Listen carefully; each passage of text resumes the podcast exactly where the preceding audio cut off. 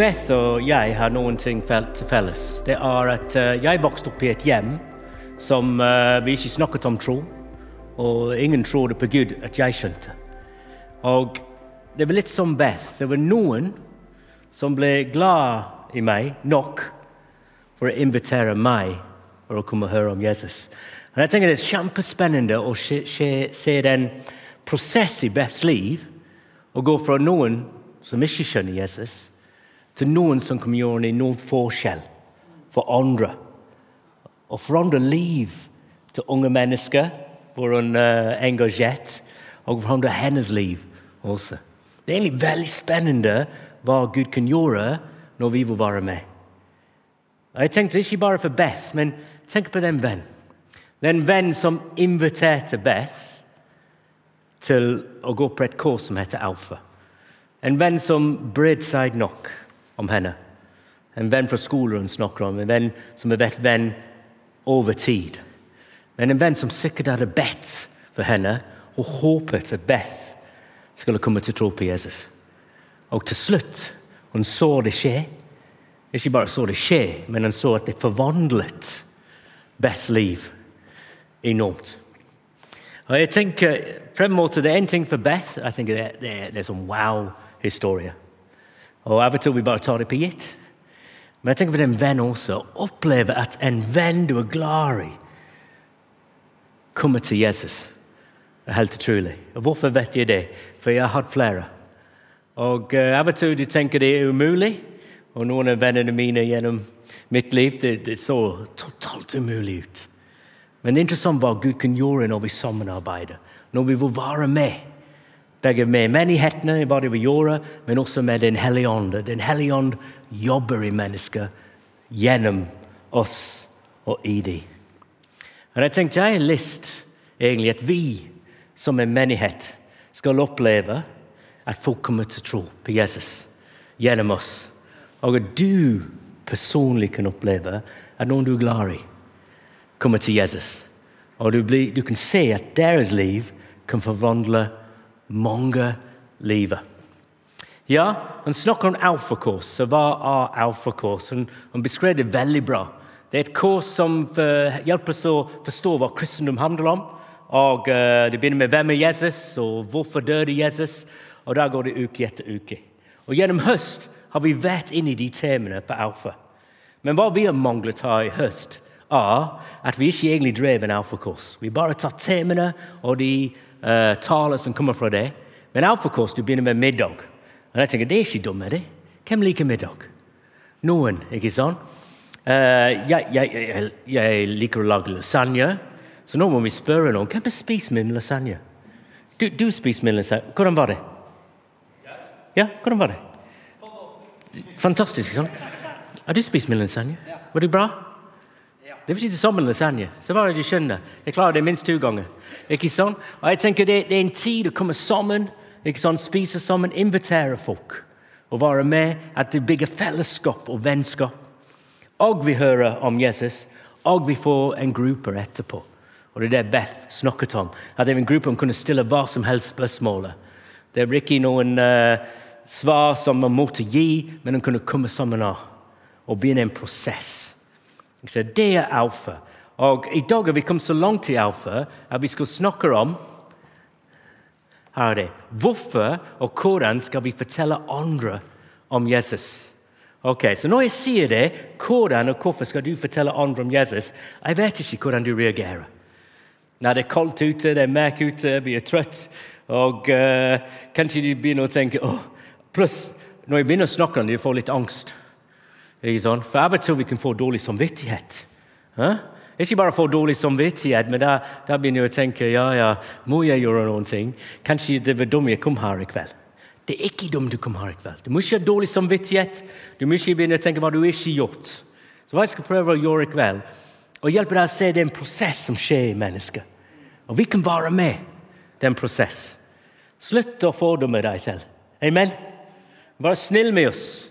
Men også tenke har muligheter at vi kan samarbeide med Den hellige ånd og hjelpe folk ta en steg videre nærmere Jesus.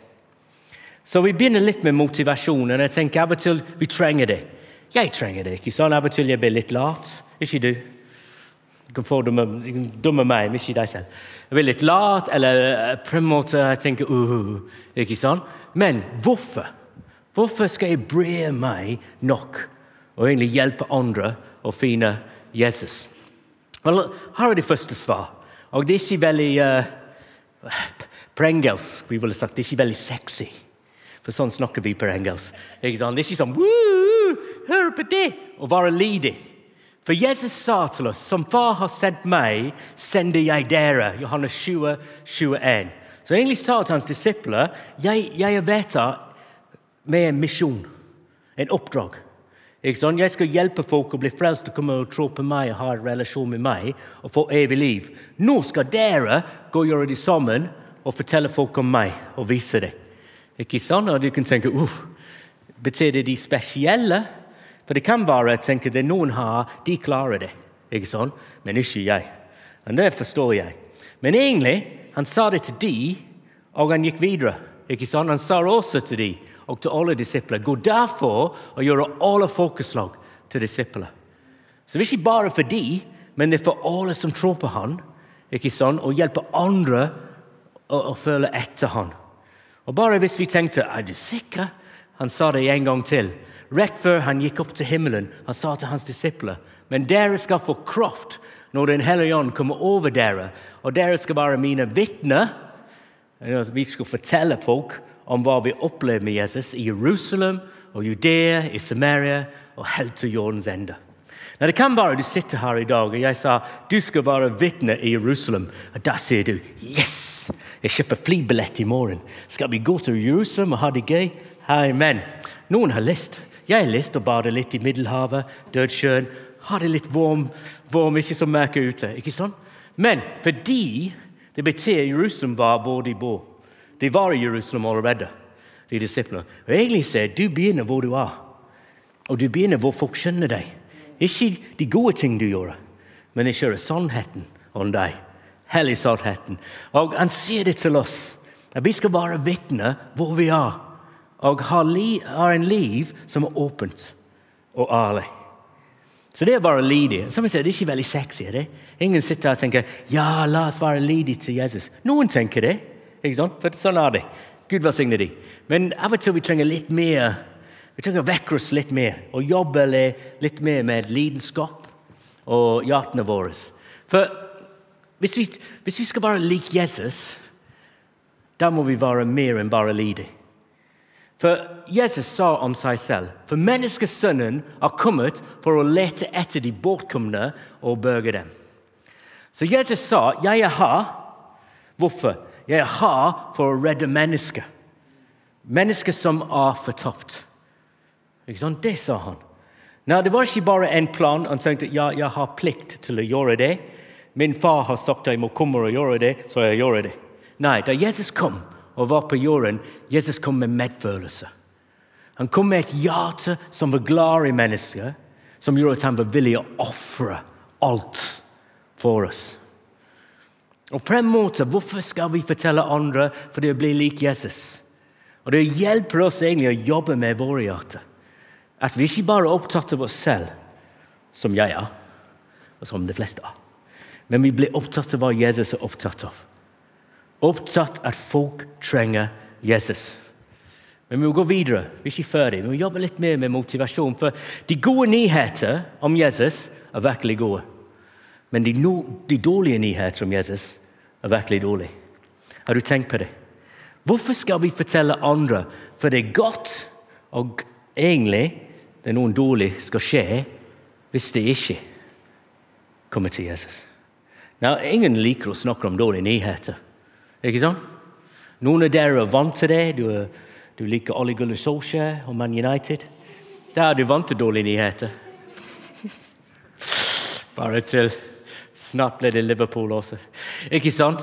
Men de dårlige nyhetene i Bibelen er veldig dårlige. Hva sier Bibelen? Det sier alle har syndet. Ikke bare noen, eller de vi liker ikke, men alle. Når jeg begynner å tenke på mitt liv, det er sannheten. Ikke sant? Jeg kan stå her på scenen, men jeg sier ting som er dumt. Hvis du vet ikke det, du bare spør naboen som skjønner meg. Jeg gjorde ting som er dumt, og jeg er glad du vet ikke hva jeg tenker på. Eh? Og jeg er glad jeg vet ikke hva du tenker på. Heller av og til. Vi alle er syndere. Og Bibelen sier at syndens lønn er døden. Evig død. Det er de dårlige nyheter i Bibelen. At alle egentlig har ingen sjanse å gjøre noen ting for å bli akseptert av Gud. Og Du kan tenke er det bare dårlige nyheter? Nei. Det er gode nyheter også.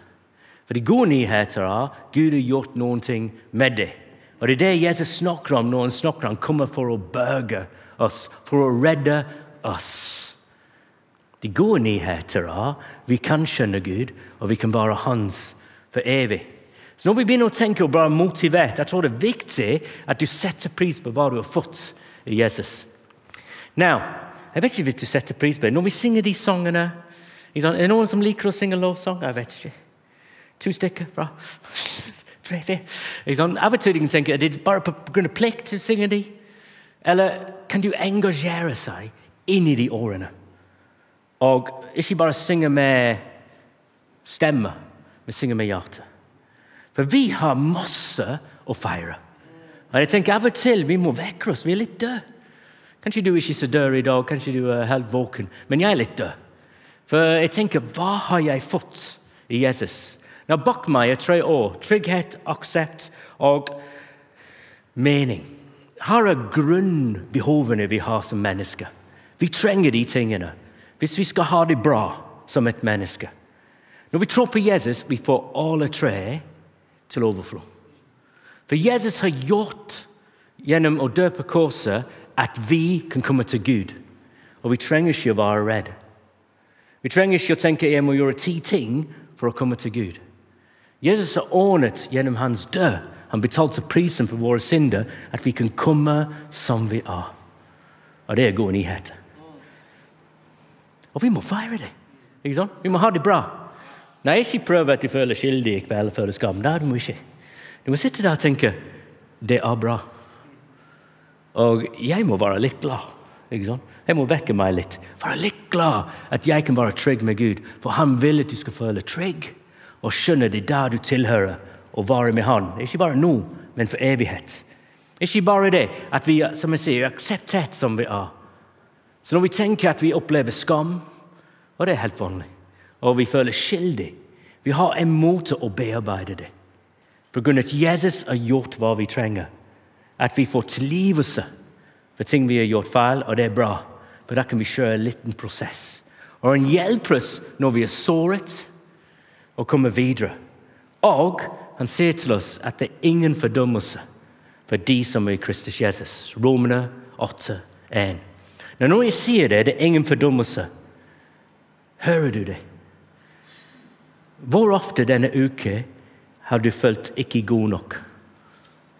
Jeg ikke spør og tar en hånd opp.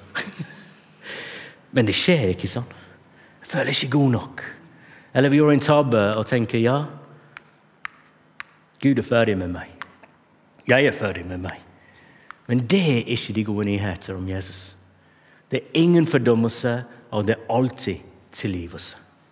Og vi, vi, må nyte det. Vi må ha det bra, at vi er tilgitt, at vi er akseptert som vi er, at vi tilhører Jesus. For da har vi håp.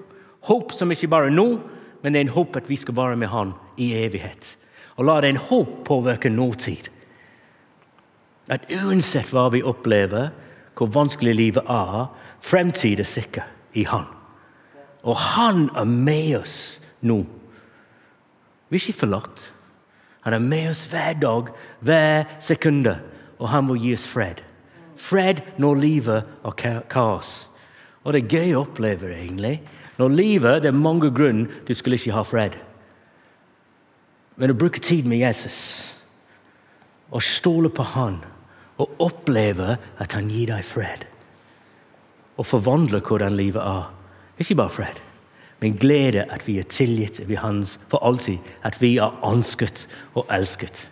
Når vi sitter her i kveld, det er sent på kveld, søndag jeg vet ikke, Kanskje du har en lang helg. Men jeg tenker Er det ikke bra, skjønner Jesus?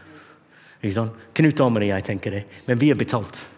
Ikke sant? Vi får lønn å å her, Ikke sant? Er det noen som er ikke betalt til å her som tenker det er bra? Jeg må bare høre. Ja, det er noen over der. ikke sant? Jeg tenker Av og til det, vi er litt inni oss. ikke sant? Det er litt gjemt. Hvorfor er det gjemt? Ikke sant? Er det ikke bra? Alt Jesus har gjort for oss, alt Jesus har gitt oss, den privilegium å være hans Guds barn, at Gud allmektige kaller oss hans venner. Og fremtid er sikker. Han har gjort det sikker. Og nåtid han er med oss og for oss. De gode nyheter er virkelig gode. Så hvorfor skal vi fortelle andre? Av at det går for de også. Og de dårlige nyheter er virkelig dårlige. Så hvordan skal vi gjøre det? Vi jobber med motivasjon. Vi må hjelpe hverandre og si 'come on'. Vi må hjelpe andre. Hvordan kan det skje? Må jeg si noe? Det er et veldig bra spørsmål. For noen av dere får litt angst. ikke sant? Du kan tenke 'jeg er motivert nå'. Ikke sant? Og Da plutselig sier må vi si noe. Der kommer angst og frykt. Ikke sant? Og det forstår jeg. I, I Alfa, når du leser en kapittel om hvordan vi forteller andre, han begynner å tenke at vi kan gå to veier som egentlig er ikke bra for oss. Og Det er å være ufølsom og mangle på følsomhet eller har frykt, så vi tør ikke å si noen ting. Nei, jeg, jeg liker å gå på gater og evangelisere. Og de tenkte er jeg gal? Ja. Hæ? Elsker det, ikke sant? Og du kan tenke har jeg alltid vært følsom? Nei. Ikke sant? Det viktigste er at de bare hører på meg. Ikke sant? At jeg har det bra. Du, da, hør på det, du synder. Ikke sant? Og uh, Jeg opplevde masse godt egentlig. Å være i team på gateevangelisering. Veldig kreativ. Ikke sant? Ikke bare gå opp til folk og snakke med dem, men prøve å lure dem først inn. Og da, da snakker vi med dem om Jesus. Opplevde masse bra. Men av og til du kan tenke det, det er lett å være ufølsom. Og uh, Hvis du er redd her, du kan tenke på folk ja, de er litt ufølsomme. Det er litt brutalt. Ikke sant? Og Hva trenger folk egentlig å komme til Jesus? En god del av folk trenger at vi er følsomme. At vi har en relasjon, at vi har tid. At vi kan bli skjønt med dem og skjønne hvordan de har det. Ikke sant? Det er en, uh, det er en tegnekartun her. Og det, det er gammel. det er litt uh. Men jeg skal, jeg skal unnskylde meg etterpå. Han sier If you think this is bad, you should see her emotional baggage. Og det er masse bagasje. Men det kunne vært en mann, og den kvinne sa det. Ja? Da ser vi. For vi menn har følelsesmessig bagasje. Bare spørre Tarjei. ikke sånn? Men vi har. ikke sånn? Alle har det. Og når vi tenker om hvordan vi skal hjelpe andre å skjønne Jesus, da må vi skjønne mange folk har blitt såret. Såret av folk som er kristne. Egentlig bare såret om tanker om kristne. For vi bor i en samfunn egentlig som er litt negativt om kristendom. Og jeg tenkte, vi, Hvordan skal vi hjelpe folk å komme til Jesus når de allerede er såret og ikke har lyst til å høre? Ikke sånn? Hva er viktig at vi elsker dem? At vi har en relasjon med dem? Når jeg ser frykt til den andre siden, av og til vi kommer til punkt jeg tør ikke å si noen ting. Kanskje bli avvist. Men jeg tenker, hvordan skal folk høre hvis vi som skjønner det, ikke forteller. Men før vi forteller, det er viktige ting å gjøre.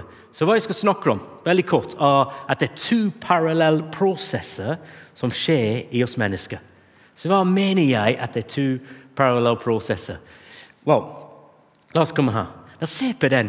Jeg har brukt årevis å utvikle, utvikle den. Og uh, de tenkte jeg kunne lage det mye bedre enn det kan du lage. ikke sant? Men du må tenke det er noen hjerter, en prosess, og det er noen hjerner, intellekt, en annen prosess. Og Vanligvis folk fungerer for begge to. Men hvis det er problemer med hjertet, hvis det er blitt såret, det klarer ikke å høre.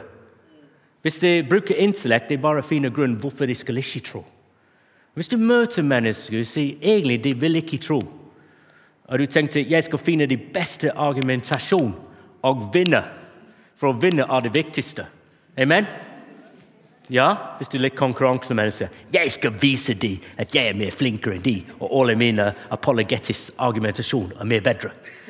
Men egentlig hva ofte folk trenger, er ikke de beste argumenter. Hva de trenger, at de jobber med hjertene deres. For de har opplevd ting og, som har såret dem.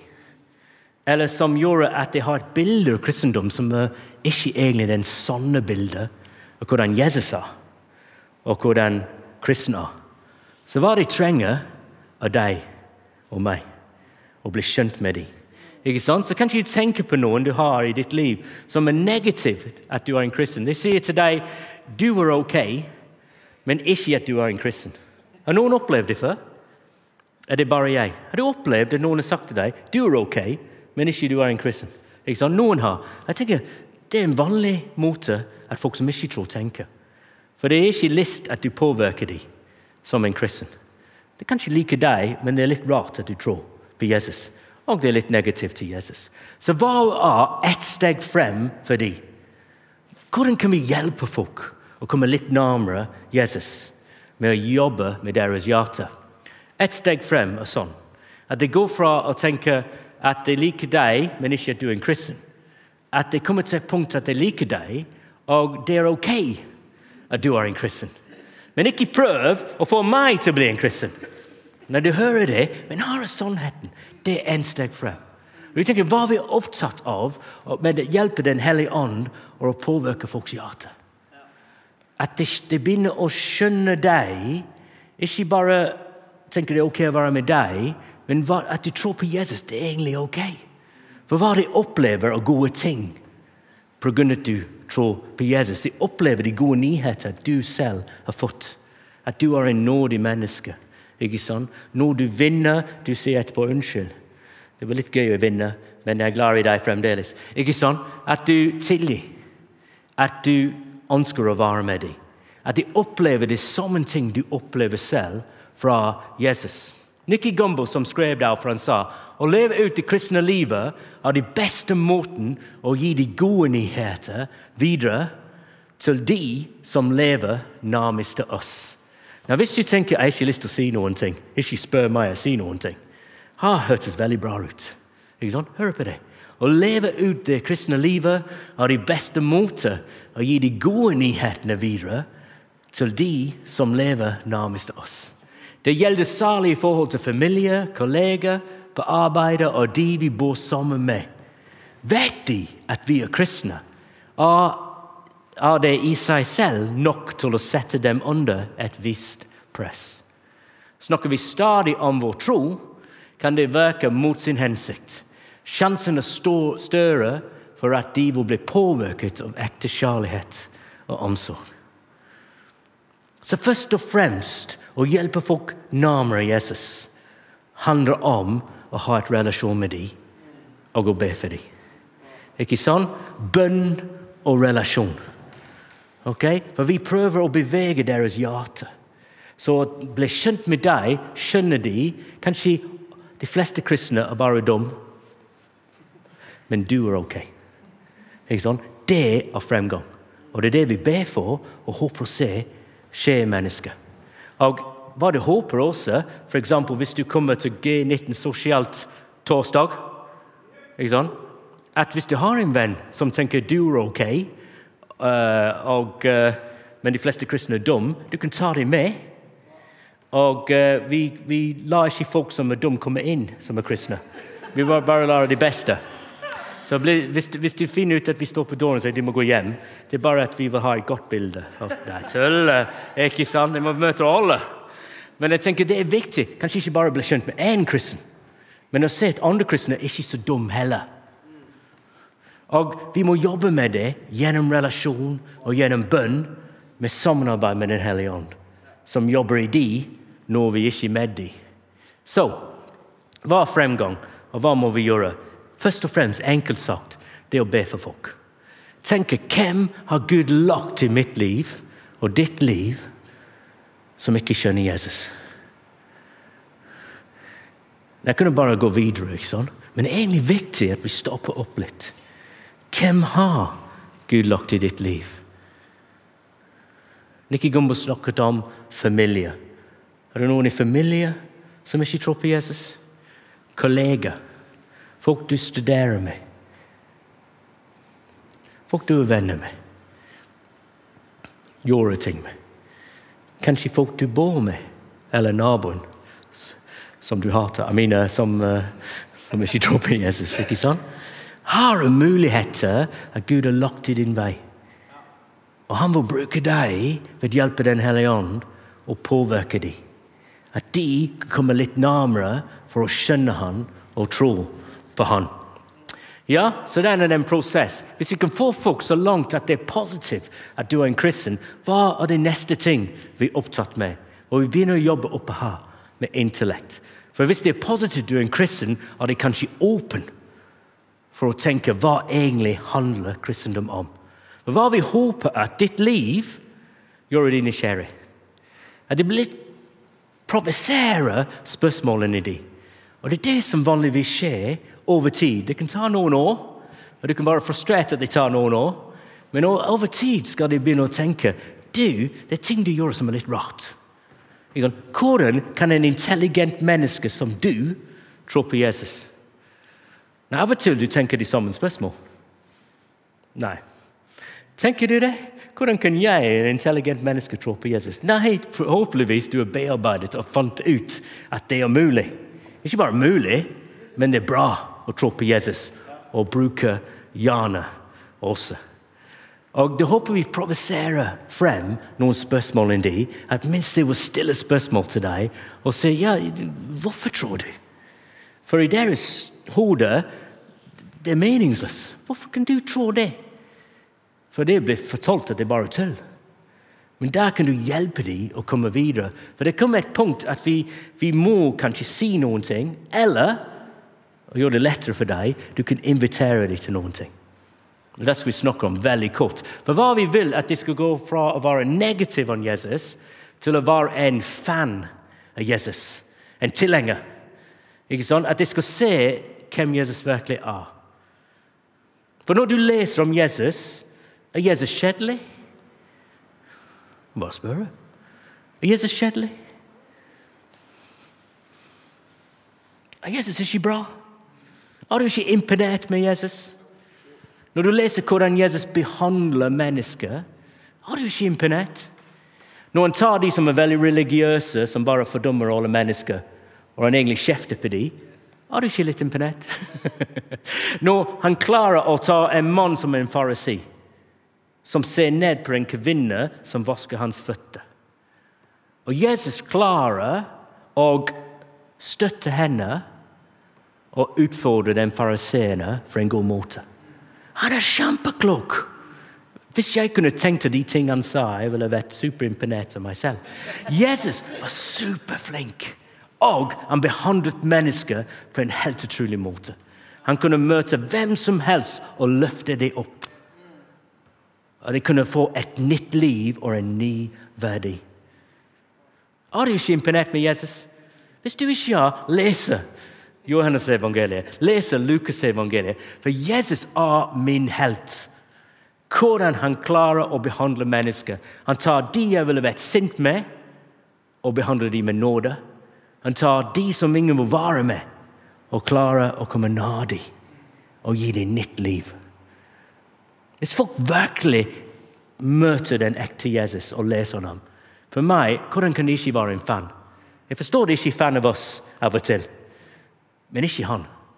Og jeg tenker Hvis folk trenger å høre hvem den ekte Jesus er Men for å gjøre det, vi må ta det videre, at det er hjertet som er åpen til å gjøre det, og hjelpe dem å være fan. Men hva kan vi si, eller hva kan vi invitere dem til? For hva vi prøver å gjøre, er å be for dem, ha en relasjon med dem, og det siste å si noen ting. Og da kan vi lage en bro for å hjelpe dem å tro. Det er enkelt å høre. Vi kan lage en bro for å hjelpe de å tro. Er du imponert med det? Tenk hvis jeg tenkte det først. Det er trademark. Trademarket. Men på en en enkel måte å huske det. ikke? At vi ber for folk, vi bruker vennskap, at de, de skjønner de gode nyheter gjennom oss, og på ett punkt at de hører om Jesus Gjennom oss eller gjennom andre at vi inviterer dem til. Ikke sant? At de kan gå fra å være en fan av Jesus til å være en etterfølger, follower av Jesus. Fra fan til follower. Vi, vi er gøy på engelsk. Ikke så gøy på norsk. Tilhenger til en etterfølger. Ja, ja. Fan til follower. Vi er gøy på engelsk. Ja, så hvordan kan vi gjøre det? Og nummer én i januar, februar, mars 2022 G11 og G19 skal drive Alfa, som du hørte om. Vi skal ha det, og da er det mulighet for deg å ta noe med. Så hvis du tenker jeg vet ikke hva jeg skal si til dem, trenger ikke si noen ting om Vil du være med meg på Alfa? Som du kan høre litt om Jesus og høre om hvorfor jeg tror. Det er muligheten. Påmelding er allerede åpen på bergenfrikirke.no. Ta med noen på Alfa i januar til mars. Vi skal kjøre fem kvelder på onsdager. Okay? Så det er som to hver måned gjennom januar, februar og mars. Kanskje du tenker ja, jeg kan gjøre det, men kanskje jeg kunne sagt noen ting. Og bak meg jeg tenker Det er fire nivåer av hva vi kan si. Alfa det forklarer hele evangeliet. Det er som alt. Ikke sant? Men kanskje de tenker kanskje de er ikke klar for alfa. Ok, Jeg kan invitere dem når vi har alfa i september neste år. For vi skal ha alfa i september. Kanskje de er ikke klar nå, og du tar det senere. Hva kan du si til dem nå? Og Da kan vi til de tingene som er skrevet opp der som min historie og min lille historie. Det sier ikke lille, men det, det er lille Nei, det ikke fungerer heller. Det, det, det, det er som små. Så hva mener jeg med det? Her går vi. Du kan bruke alfa og hjelpe dem videre. Eller du kan bruke min historie. Hva er min historie? Min historie er din historie. Men kanskje du sitter her i, i dag hvis du, hvis du, ser litt på naboen, ser litt på naboen, og du tenkte kanskje de har en spennende historie. Men min historie er kjedelig. Er det noen som tenker sånn? Jeg har en kjedelig historie, men når du ser på naboen, det er ikke så kjedelig. Og kanskje du ser på naboen og sier de har en kjedelig historie også. ikke sant? Men din historie er gulvet. Ok, Jeg har lyst til å sitere en mann. Vi skal finne den mannen. Her er han. Han heter Alistair McGrath. Alistair McGrath er en professor i Oxford universitet. Oxford universitet med Cambridge er det beste universitetet i England. Og jeg ville sagt i verden, men da kan vi krangle med Amerika. Ok? Det er bare glupe mennesker der. ikke sånn? Og Han er professor der, og han har tre, tre, en, to, tre PhDs. Tenk på det. Ikke bare én. Han er én i molecular biophysics. Han er en vitenskapsmann. Han er én i historie, han er historiker, og én i teologi. Jeg snakker ikke om bachelors eller masters, jeg snakker om ph.d.s. Han er superglup og kristen. Og nå har han begynt å se hvordan folk blir kristne. Han begynner å snakke om at vi må skjønne hva er gulvet. Er det at jeg kan forklare hele evangeliet? Nei, sier han først og fremst. Men du må bruke din historie. For hva folk er ute etter, er ikke hva sannheten er, først og fremst.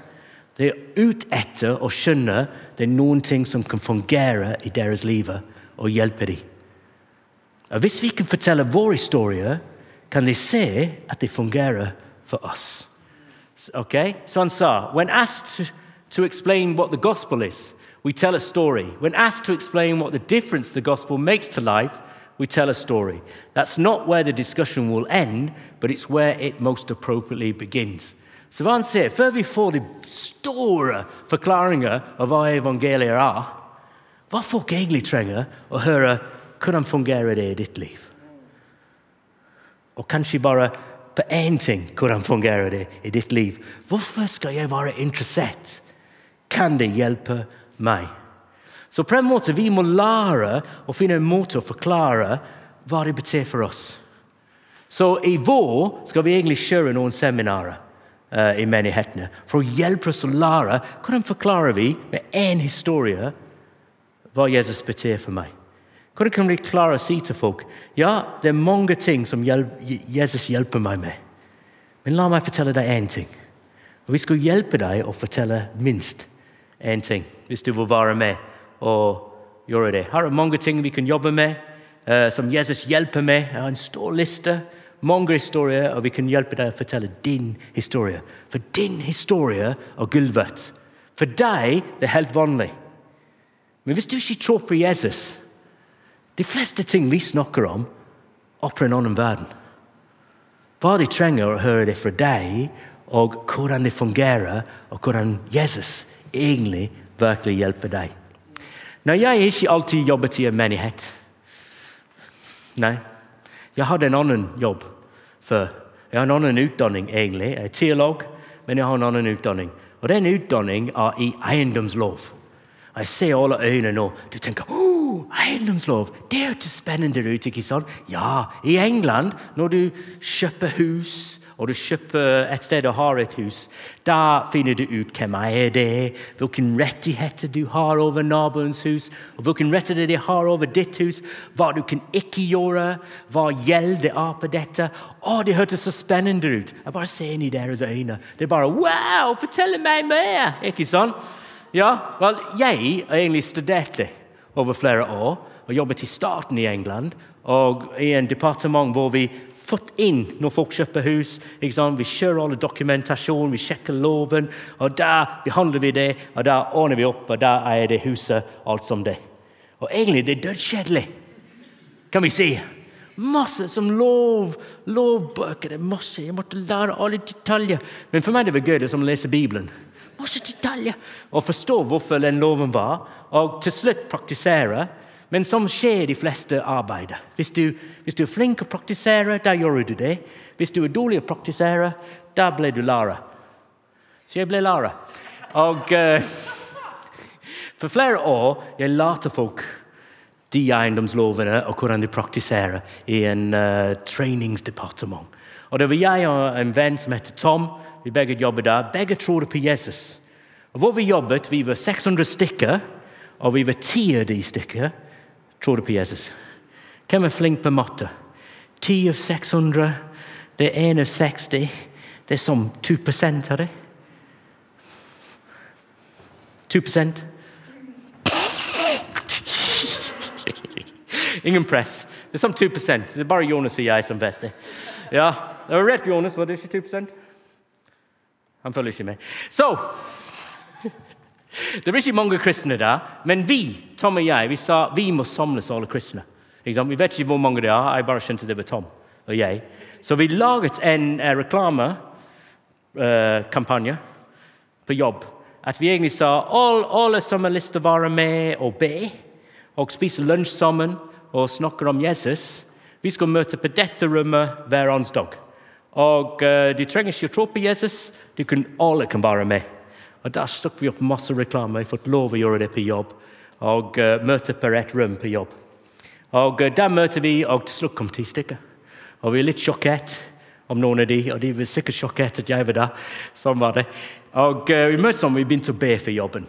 Og Resultatet av det var på jobb, da Tom og jeg satt der Folk ofte kom inn på vår kontor uh, for å drikke vår kaffe, for vi hadde bedre kaffe enn de andre hadde og å snakke med oss om Jesus. Det var litt spennende, egentlig. Jeg tenkte ikke det skulle skje som det skjedde. Så det gikk det. ikke sant? Tom og jeg, vi er kristne. Kom og snakk med oss. Nå, på den kontoret jobbet en tredje mann. Han heter Lee. Lee var like gammel som oss. Vi var midt i 20-årene. Og um, Lee var som en helt på jobb. Han, han hadde en veldig vakker uh, kjæreste uh, som jobbet der. Og han var kaptein på fotballag som vi hadde på jobb. Og i jobben det er veldig engelsk nå, vi hadde en eh, bar, en pub. Kan du tenke deg? og han drev den. Det var en del av hans jobb uh, på jobben. Så sånn, Folk jobbet mer på formiddag, men ettermiddag ble litt treig. Etter vi overleverte på baren uh, på jobb. Og David Lee han var en helt. Og når jeg tenkte på Lee, Vi satt der på kontoret og vi le om ting. bla bla bla. Men snakker jeg med ham om Jesus? Du vet svaret. Nei. Jeg var redd. Hvorfor skulle han bli interessert i Jesus? Jeg har aldri snakket med ham. Og jeg tenkte, jeg overbeviste meg selv han er ikke interessert. En dag her kommer det. Alle var hjem. Det var jeg og han siste på jobb. Tid å gå hjem. Plutselig er han foran meg, og han ser sint ut. Og jeg tenkte Shit. han sa til meg, Chris Jeg sa ja. Hva faller med meg? Jeg vet ikke hva skjer. Ikke sant? Hva, hva har jeg gjort? Ikke sant? Jeg er redd. Jeg er dritredd. ikke sant? For han var stor og kraftig. ikke sant? Han er superhelten. Og uh, plutselig Jeg sa jeg vet ikke. Hvorfor spør du? Han sa du, jeg sitter her hver dag, og det er folk som kommer inn på den kontor, kontoret og de snakker med deg om Jesus, og du snakker med dem. Du vet, Etter halvt år vi har vært på den kontoret sammen, og du aldri snakker med meg om Jesus. Jeg, jeg hadde lyst til å si men du er ikke interessert, så hvorfor skulle jeg? ikke sant? Men er, er for redd og sjokkert og i panikk. Og jeg tenkte! Det er sånn. Jeg tenkte jeg er klar å si Hva vil du vite? Hva vil du vite? Hva, hva kan jeg fortelle? Han sa Hvorfor er du en kristen? Fortell meg det. Og heldigvis, i den tid før for menighetene, vi har vært opptatt av å lære de lille historier. Og lære I virkeligheten kan jeg fortelle én ting om hvorfor Jesus gjorde en forskjell i mitt liv.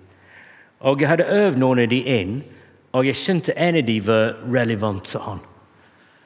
Så der fortalte jeg ham Jeg begynte som vi lærte, egentlig.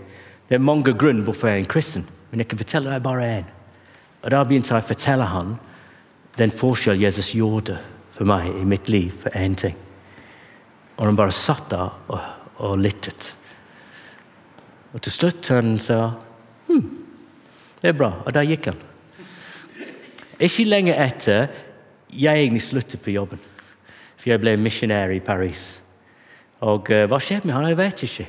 Men jeg skjønte, det var to ting jeg tenkte på etterpå. Nummer én, jeg var så redd å bli avvist av han at han opplevde at jeg avviste han. Og jeg tenkte, Hvis vi er redd, da må vi tenke på det litt. Og si ingenting hvis folk vet vi er en kristen. Av og til å ikke si noen ting. De kan føle avvist. At vi egentlig sier det er ikke god nok å høre. Og de andre ting Jeg var kjempeglad jeg hadde øvd inn å fortelle litt av min historie på forhånd. For jeg vet ikke hva jeg ville tenkt på hvis jeg ikke hadde gjort det. Så jeg anbefaler at du gjør det i vår når vi skal ha litt seminar og drive det. Vær med! Det er begge gøy og hva jeg opplever at muligheter kommer når vi er klar. Men da må vi være klar og jobbe med det. Så i dag har vi snakket om vår rolle og vårt rolle og menighetsrolle og Den hellige ånd. Og Når alle tre jobber sammen, da begynner vi å se at folk begynner å komme nærmere Jesus. En kan gjøre det. Så spørsmålet er vil vi være en menighet som ser folk komme til Jesus. Se, to stykker. Hva med dere andre? Vil vi være en menighet som ser folk komme til Jesus?